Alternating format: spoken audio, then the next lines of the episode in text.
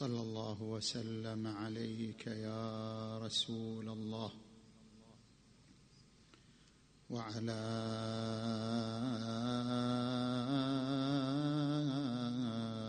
أهل بيتك المنتجبين يا ليتنا كنا معكم فنفوز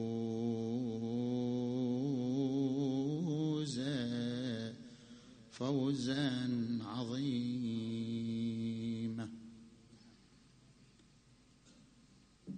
أعوذ بالله من الشيطان الغوي الرجيم. بسم الله الرحمن الرحيم.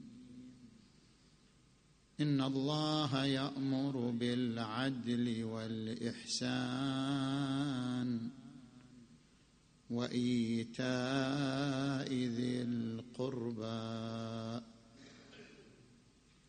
آمنا بالله صدق الله العلي العظيم.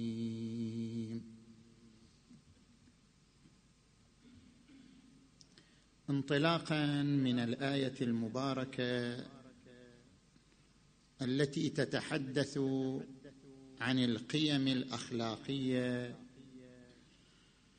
نتكلم في عدة محاور. في قيمة الفعل الأخلاقي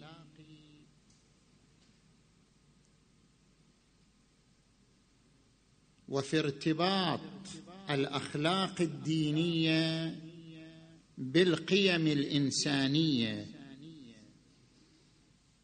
وفي معالم التدين. نأتي إلى المحور الأول.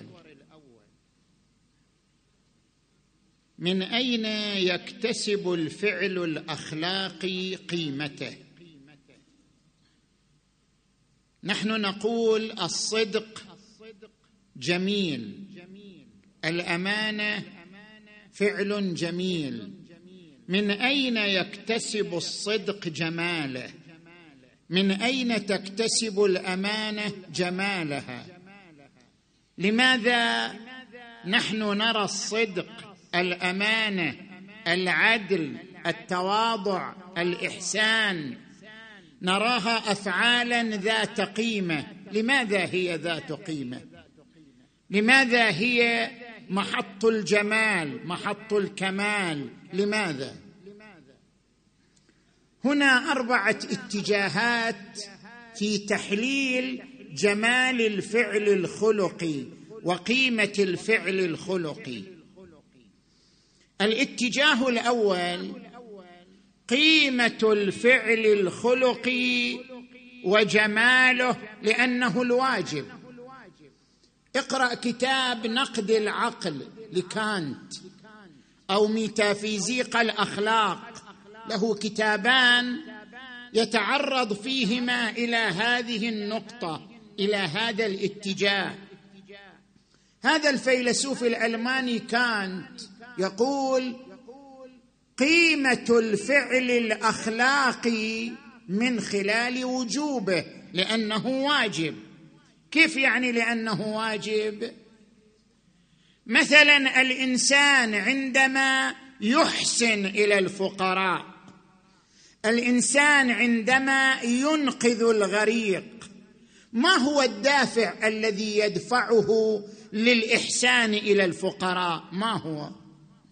إذا كان الدافع دافعا نفسيا وهو أنه إنسان عطوف رؤوف لذلك يحسن إلى الفقراء فهذا عمل ليس اخلاقيا.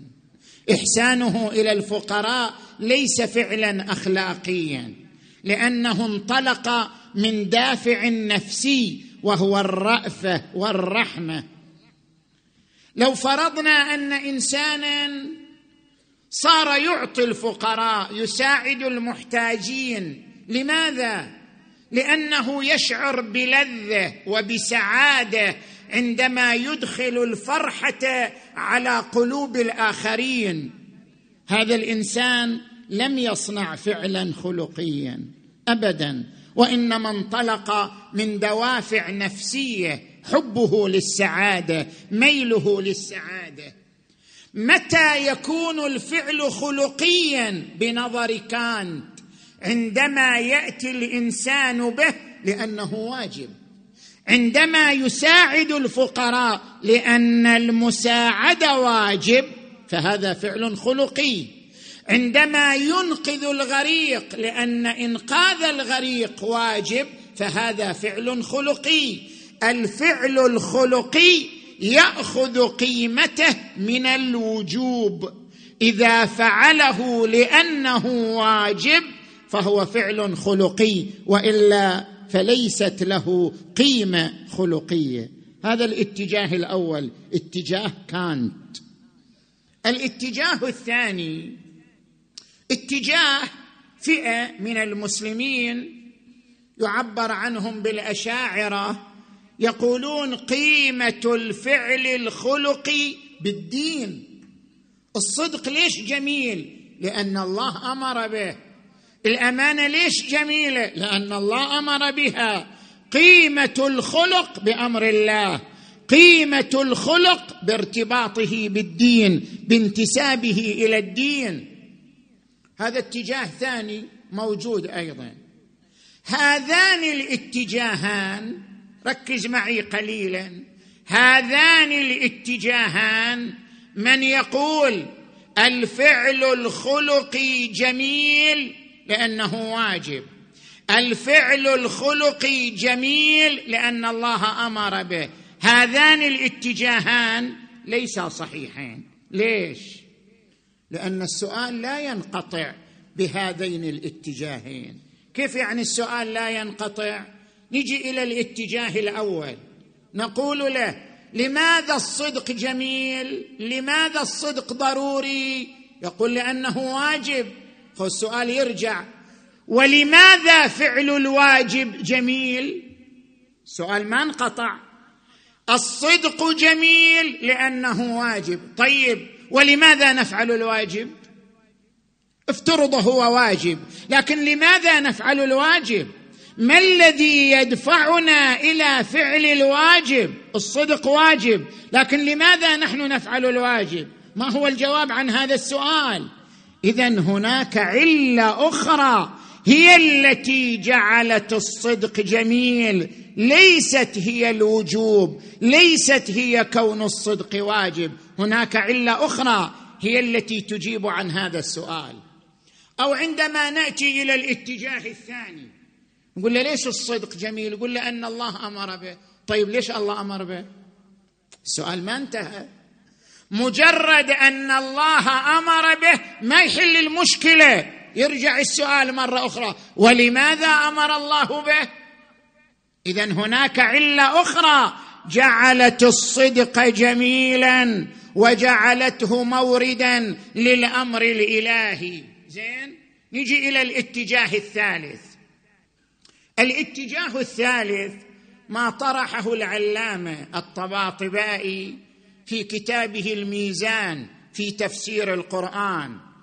الفعل جميل وضروري إذا انطلق من منطلق التوحيد. كل الأفعال يجب أن تنطلق من منطلق التوحيد حتى تكون جميلة حتى تكون قيم خلقية. ليش التوحيد؟ لاحظ الإنسان الذي يساعد الفقراء يقضي حوائج المؤمنين لأنه يريد أن يشتهر اسمه أو يلمع نجمه. الإنسان الذي يساعد الفقراء ويقضي حوائج المؤمنين حتى يكتسب رضاهم ويكتسب الجاه أو يدفع عنه القيل والقال. هذا لم يصنع فعلا خلقيا لأنه أسير لدوافعه الشخصية أسير لميوله النفسية. لا يكون الفعل جميلا إلا إذا تجرد من كل الدوافع الشخصية من حب الشهرة حب الجاه دفع العقوبة دفع الخطر. إذا تجرد من كل الدوافع أصبح فعلا خلقيا جميلا. ومتى يتجرد من الدوافع؟ إذا صار لله وحده. إذا أتى بالعمل لله وحده تجرد من كل الدوافع الشخصية والنفسية والشهوية عندما يكون الفعل لله فقط وفقط. إنما نطعمكم لوجه الله. لا نريد منكم جزاء ولا شكورا. ومن يريد من يريد العزة فإن العزة لله. أي شيء تريد عزة جاه منصب اربطه بالله. فإن العزة لله. كل عمل يؤتى به لله فهو جميل وخلقي. وإلا فلا. المنطلق هو التوحيد. هذا الاتجاه الثالث. نجي إلى الاتجاه الرابع والأخير. الاتجاه الرابع ما ذكره علماء الكلام عندنا الإمامية وذكره علماء النفس وذكره علماء الأخلاق. قالوا لا الصدق جميل لأن فيه خصوصيات الجمال. ليس جميل لأنه واجب. ليس جميل لأن الله أمر به. جماله من ذاته. جماله لخصوصية فيه. جعلته جميلا. شلون يعني لخصوصية فيه؟ الآن أوضح لك هذه النقطة. كما أن العناصر الطبيعية ضرورية لاستقرار الحياة الطبيعية الماء ضروري لاستقرار الحياة الغذاء ضروري لاستقرار الحياة الهواء ضروري لاستقرار الحياة. هذه عناصر ضرورية لولاها لم تستقر الحياة الطبيعية. كذلك هناك أفعال لولاها لم تستقر الحياة الاجتماعية. مثل شنو؟ مثل العدل مثل الصدق مثل الأمانة لولا العدل لولا الصدق لولا الأمانة لا تستقر الحياة الاجتماعية على الأرض بل تتحول حياة المجتمع البشري إلى حياة الغاب إلى حياة التوحش. اذا كما أن الماء والهواء والغذاء ضروري لاستقرار الحياة الطبيعية الصدق والأمانة والعدل ضروري لاستقرار الحياة الاجتماعية والكاظمين الغيظ والعافين عن الناس. والله يحب المحسنين. الإحسان ضروري لاستقرار الحياة الاجتماعية. اذا من هنا أجبنا عن السؤال. تجي أنت تسأل ليش الصدق جميل؟ وليش العدل جميل؟ وليش الأمانة جميل؟ جواب واضح. جمال الصدق والأمانة والتواضع والعدل والإحسان لأنها دخيلة في استقرار الحياة الاجتماعية. لأجل ذلك أصبحت واجبة. لأجل ذلك أمر الله بها. لأجل ذلك ارتبطت بالله تبارك وتعالى. جمالها في ذاتها لأنه لولاها لم تستقر الحياة الإنسانية الاجتماعية. من هنا قال تبارك وتعالى إن الله يأمر بالعدل والإحسان وإيتاء ذي القربى. زين نجي الآن إلى المحور الثاني. جماعة قالوا أنت تطول البارحه طولت قريت لنا ساعة إلا عشر دقائق قلنا بعد إحنا الليلة قصرها مقدار قليل. زين. نأتي إلى المحور الثاني. المحور الثاني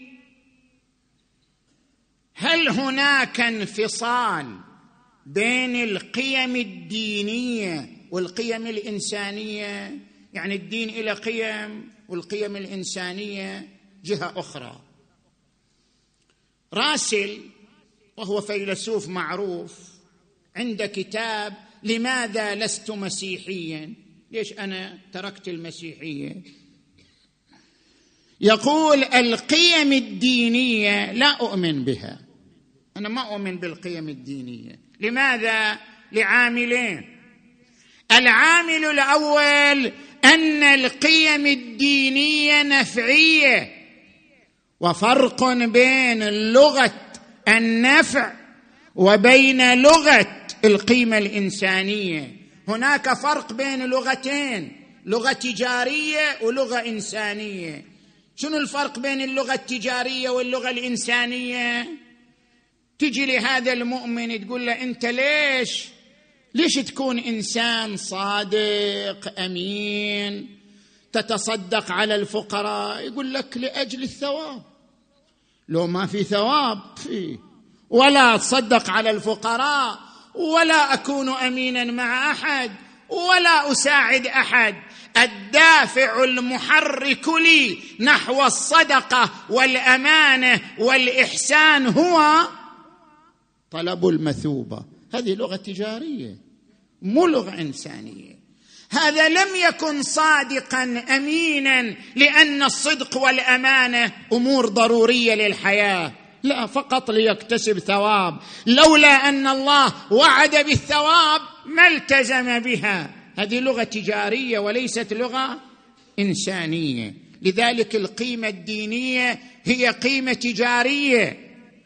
العامل الثاني يقول القيم الدينية قيم تمييز تفرق بين الناس على أساس الدين.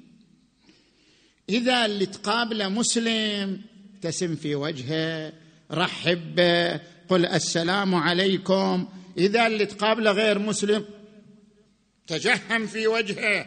لا تعطه بشرا ولا اخلاقا لأنه لا يستحق هذه الأخلاق ولا يستحق هذه المقابلة. القيم الدينية بنيت على التمييز على أساس الأديان على أساس المذاهب. لذلك هذه القيم الدينية تفقد قيمتها. من هنا راسل يقول لعاملين اللغة النفعية التجارية والقيم التمييزية أنا لست مسيحيا. ويقارن بين سقراط والمسيح. يقول سقراط رجل مؤدب متحضر. ليش؟ لأنه لم يعد مخالفيه بالنار والجحيم بينما المسيح وعد مخالفيه بالنار. قال في الإنجيل يا أيتها الحيات يا أولاد العقارب متى تهربون من دينونة الجحيم؟ أنتم ما لكم مجال عن الجحيم لأنكم تخالفونني في الرأي. اذا هذه هذه لغة القيم الدينية. لذلك لست مسيحيا. هذا ينقلنا إلى المحور الثالث الذي أريد أن أتحدث عنه. كيف ترتبط القيم الدينية بالقيم الإنسانية؟ ما هي معالم التدين الحقيقي؟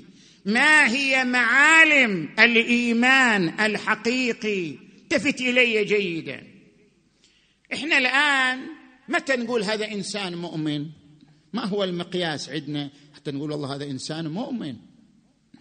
مؤمن نثق به نقبل شهادته نصلي خلفه نأتمنه على أموالنا أعراضنا أنفسنا. متى؟ ما هو الميزان؟ شوف أنا عندنا ميزانان شائعان بيننا. الميزان الأول مؤمن لأنه ما شاء الله عليه يصلي في أول الوقت. لا يترك صلاة الجماعة ملتزم بالنافلة ملتزم بالأدعية ملتزم بالأذكار. أثر السجود بين جبينيه إيش تريد بعد أكثر من هذا؟ الإيمان عندنا بهذه المظاهر الطقوسية. الإيمان عندنا بهذه المظاهر. إذا رأيناه ملازما للمسجد لصلاة الجماعة للأذكار للأدعية للنافلة فهو قطعة الإيمان. هذا هو ميزان الإيمان عندنا. زين؟ أو تجي إلى ميزان آخر. بعض الناس يقول لك لا المؤمن هو المتقيد بشدة بالأحكام الشرعية. هذا هو المؤمن.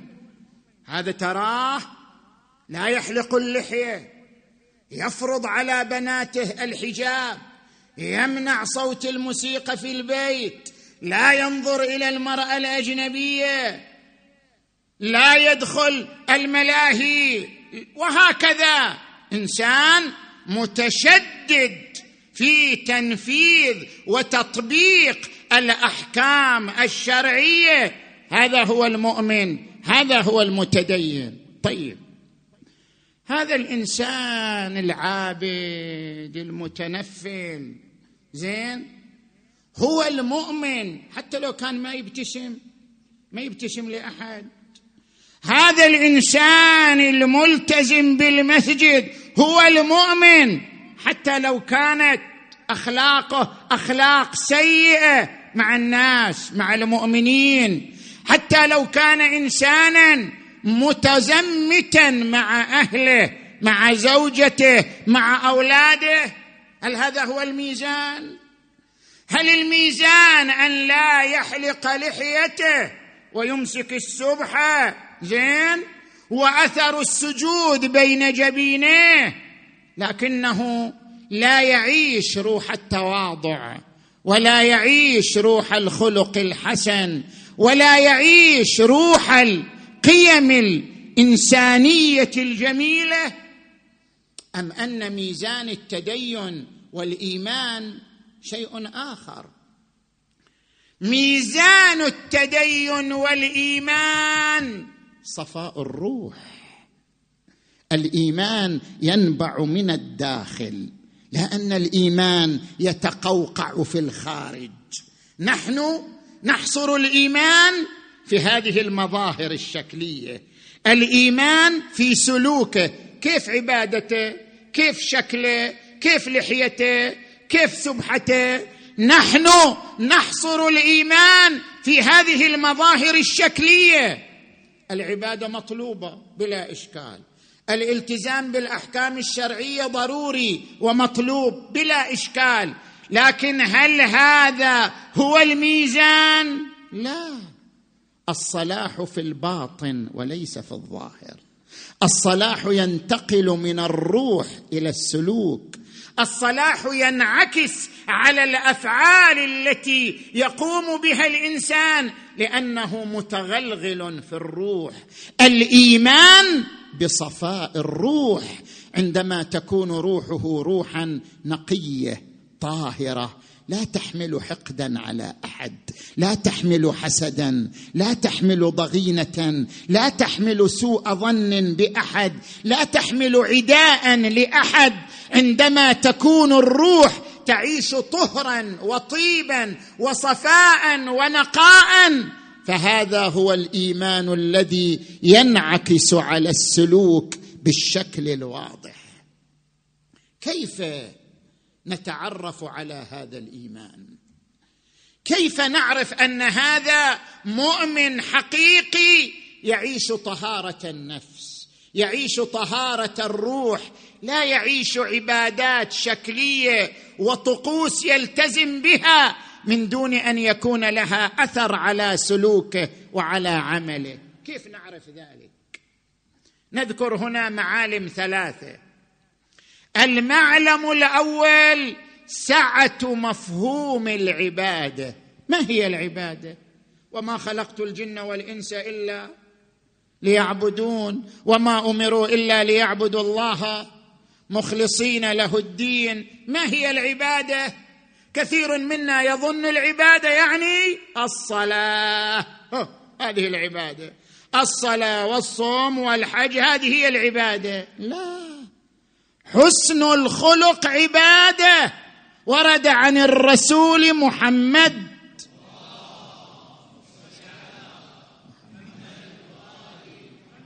حسن الخلق عبادة.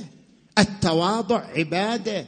الكلمة الحسنة صدقة والصدقة عبادة.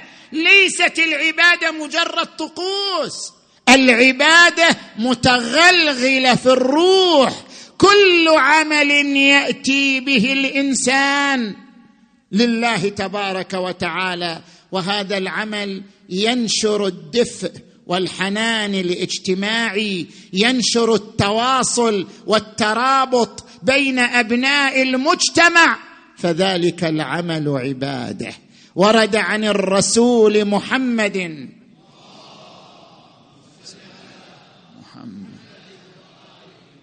أفاضلكم أحاسنكم أخلاقا.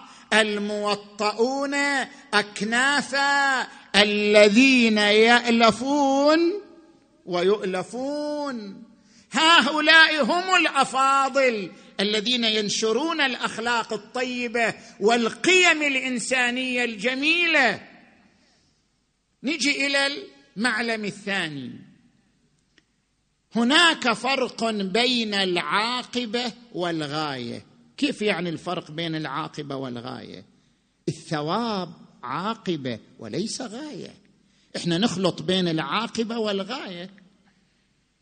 الثواب عاقبة. يعني من فعل الأفعال الحسنة عاقبته أنه يثاب لا أن الثواب هو الغاية المحركة. لا فرق بين الهدف وبين النتيجة فرق بين العاقبة وبين الغاية. لأجل ذلك نقول أنا أتصدق على الفقراء أساعد المحتاجين أقضي حوائج المؤمنين. أتعامل مع الناس بالخلق الجميل. ليس الدافع لي هو الثواب. ثواب عاقبة الله وعدني بها. لكن الدافع المحرك لي نحو هذه الأفعال الجميلة رضا الله تبارك وتعالى. الدافع المحرك لي نحو هذه الأفعال الجميلة أن أنشر الرحمة والحنان والهدوء والاستقرار والتواصل بين أبناء المجتمع. إنما المؤمنون إخوة. تأكيد روح الأخوة هذا هو الهدف. أما الحسنات والثواب هذا بيده تعالى هو وعد. هذه مجرد عاقبة. لذلك دققوا في هذه الآية المباركة. وعد الله المؤمنين والمؤمنات جنات تجري من تحتها الأنهار خالدين فيها ومساكن طيبة في جنات عدن بعد ورضوان من الله أكبر. ليكن هدفك رضوان الله. مو الهدف هو هذه الحسنات وهذا الثواب. ورضوان من الله أكبر. رضا الله هو المهم. رضا الله هو الهدف رضا الله هو الغايه وأما الثواب فهو عاقبة. لذلك إحنا نناقش راسل نقول له ليست القيمة الدينية مبنية على اللغة التجارية. القيمة الدينية مبنية على أن يكون المحرك لك محركا خالصا. من الدوافع الشهوية والدوافع النفسية محركا خالصا لله تبارك وتعالى. إنما الله جعل الثواب كمحفز للأخلاق الحسنة. فرق بين المحفز وبين الغاية. الحسنات والثواب والجنة والأنهار جعلها الله كضمان لحصول الأفعال الخلقية. جعلها الله كمحفزات لحصول الأفعال الخلقية. أما الهدف المحرك نحوها فهو رضا الله تبارك وتعالى. زين نجي إلى المعلم الثالث والأخير. الكلمة الحسنة. مثل كلمة طيبة كشجرة طيبة. أصلها ثابت وفرعها في السماء تؤتي أكلها كل حين بإذن ربها. الكلمة الطيبة تزرع الدفء. الكلمة الطيبة تغرس المحبة.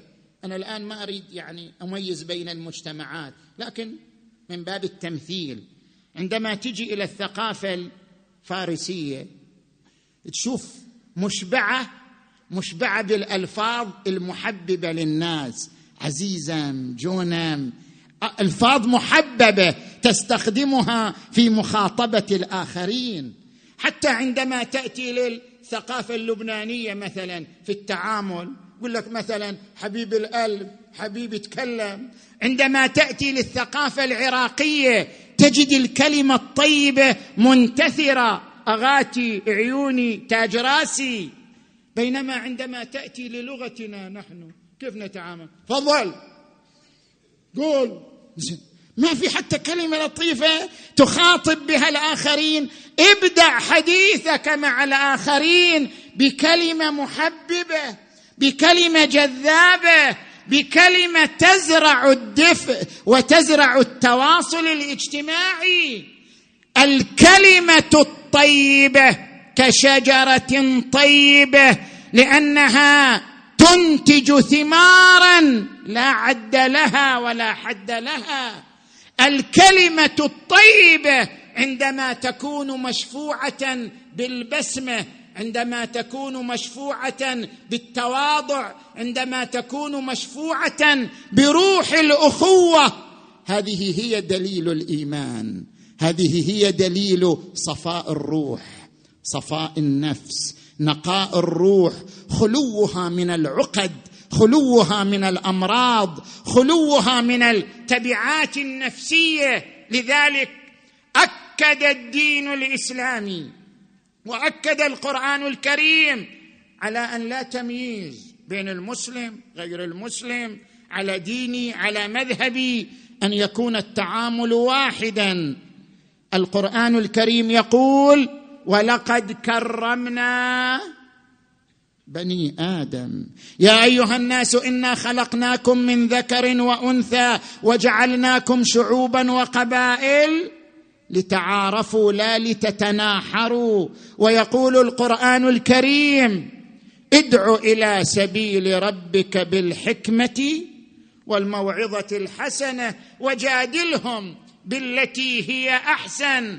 وورد عن الإمام الصادق عليه السلام كونوا دعاة لنا بغير ألسنتكم أنت قابل الجميع تعامل مع الجميع بلغة البسمة والكلمة الطيبة حتى الذين يختلفون معك في الرأي حتى الذين يختلفون معك في الناهج حتى مع غير المسلم فضلا عن المسلم فضلا عن المؤمن فضلا عن الأخ فضلا عن الصديق فضلا عن القريب.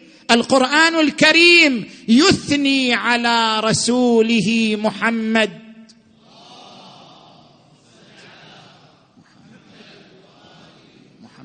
عندما يقول فبما رحمة من الله لنت لهم ولو كنت فظا. غليظ القلب لانفضوا من حولك وقال وإنك لعلى خلق عظيم. هكذا أهل البيت هكذا كان النبي وأهل بيته الطيبون الطاهرون. النبي يذهب إلى الطائف ليدعوهم إلى الإسلام فيأمرون صبيانهم وسفهاءهم فيخرجون. ويلقفون النبي بالحجارة والأشواك حتى دميت رجلاه فاستند إلى حائط لا دعا عليهم ولا شتمهم ولا يئس ولا تراجع وإنما رفع يديه إلى السماء اللهم اهد قومي فإنهم لا يعلمون وعندما دخل مكة فاتحا وصارت قريش بين يديه حاربته هجرته شردته. قال ما ترون أني فاعل بكم؟ قالوا أخ كريم. وابن أخ كريم. قال اذهبوا فأنتم الطلقاء. هكذا تعامل علي بن أبي طالب مع من حاربه وقاتله. تعامل معهم بالتسامح بلغة العفو بلغة الامتنان لأنه اراد أن ينشر نور المحبة وهكذا كان الأئمة الطاهرون صلوات الله وسلامه عليهم أجمعين. الإمام الحسين عليه السلام عندما خرج من مكة إلى كربلاء يروي المؤرخون. في الطريق رأى زهير بن القين تعبر بعض الروايات هل هي دقيقة أم لا؟ لكن هذا التعبير موجود. وكان عثماني الهوى. فإذا تنحى الطريق. يعني الإمام الحسين يجلس في جهة هو يجلس في جهة أخرى. لا يحاول أن يحرج نفسه مع الإمام الحسين. ما يرضى يقابل الحسين بعدين ينحرج في موقف معين. الحسين بن علي صلوات الله وسلامه عليه بعث إليه رجلا بالكلمة الطيبة قال الحسين يدعوك يريد أن يقابلك يريد أن يلتقي معك. إلى أن استجاب. لما دخل على الحسين ورأى تلك البسمة المحمدية الفاطمية بين وجنتيه ورأى تلك النظرة الأبوية الجذابة وراى ذلك الخلق العظيم الذي لا يقارن والذي لا يضاهى. تغير من رأس إلى قدم تغير تغيرا كاملا 180 درجة. ودعا رجاله الذين معه إلى نصرة الحسين بن علي صلوات الله وسلامه عليه. هكذا كان أهل البيت. يتعاملون مع الآخرين بهذه اللغة لغة الخلق العظيم. بهذه اللغة لغة الروح العظيمه ولذلك نرى الحسين عليه السلام ما دعا على القوم الذين قاتلوه ما دعا على القوم الذين حاربوه وإنما تأسف وتحسر عليهم أنهم خرجوا عن طاعة الله وارتكبوا الشقاوة في قتله صلوات الله وسلامه عليه إلى أن سقط صريعا على الأرض. يمثل الخلق العالي يمثل القيم الإنسانية يمثل الحرية والإباء يمثل الرفض للظلم وأبى أن يعيش إلا عزيزا. أو تجلى الكفاح وهو صريع كيف يلوي على الدنية جيدا؟ لسوى الله ما لواه الخضوع فتلقى الجموع فردا ولكن كل عضو في الروع منه جموع. قوضي يا خيام عليا نزار فلقد قوض العماد الرفيع واملأ العين يا أمية نوما نوما فحسين على الصعيد صريع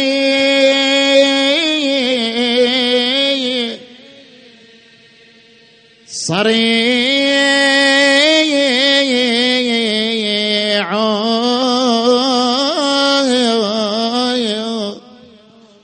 شاعر آخر ماذا يقول؟ ظمآن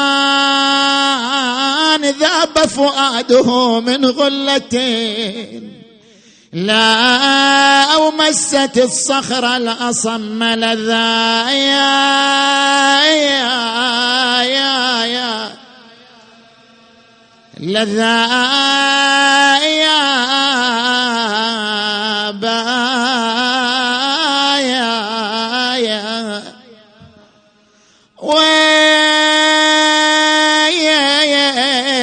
شفنا اليموت يجيه دفان يحفر قبر ويفصل أكفان.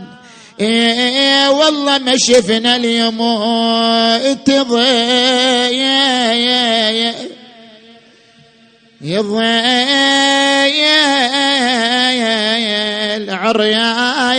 عريان أقبلت العقيلة زينب رأت أخاها صريعا على الثرى. قالت يا ابن سعد أما فيكم مسلم؟ يجهز هذا الجسد العريان. قال يا ابنة الطالبيين أبعد الأطفال عن جسده صارت كلما رفعت يتيمة سقطت أخرى. وكلما رفعت طفلة وقعت أخرى. إلى أن أبعدتهم عن الجسد الشريف بينما هم ينظرون. كيف يجهز جسد الحسين؟ كيف يوارى جسد الحسين؟ وإذا بعشرة من خيول الاعوجيه تنعلت بالحديد وداست على صدر الحسين. وحسينا وإماما. تقطعت أوصاله تناثرت عظامه تطايرت أعضاؤه. ساعد الله قلب العقيلة زينب. توجهت إلى المدينة نادت جد يا رسول الله هذا حسينك بالعراء. محزوز الراس من القفا مسلوب العمامة والرداء ويل يا جد ما حد وقف دونه ولا نغار غمض له عيونه يعالج بالشمس من خطف لونه. لا أنا ولا واحد بحلقة ما يا يا يا يا يا ما يا قطع يا يا يا يا. عار اللباس قطيع الراس. يا الله. اللهم بالحسين الوجيه وجده وأبيه وأمه وأخيه والتسعة من بنيه اللهم اغفر ذنوبنا واستر عيوبنا وكفر عنا سيئاتنا وتوفنا مع الأبرار. اللهم واجعلنا في هذا الشهر الشريف من عتقائك من جهنم وطلقائك من النار وسعداء خلقك بمغفرتك ورضوانك يا أرحم الراحمين. اللهم صل على محمد وآل محمد. اللهم كن لوليك الحجة بن الحسن. صلواتك عليه وعلى آبائه في هذه الساعة وفي كل ساعة.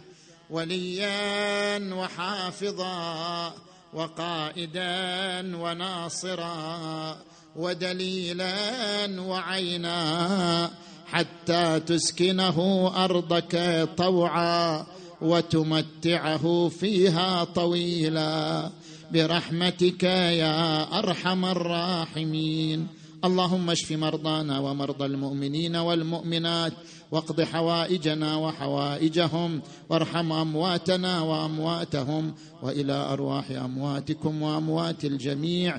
ثواب الفاتحة تسبقها الصلوات.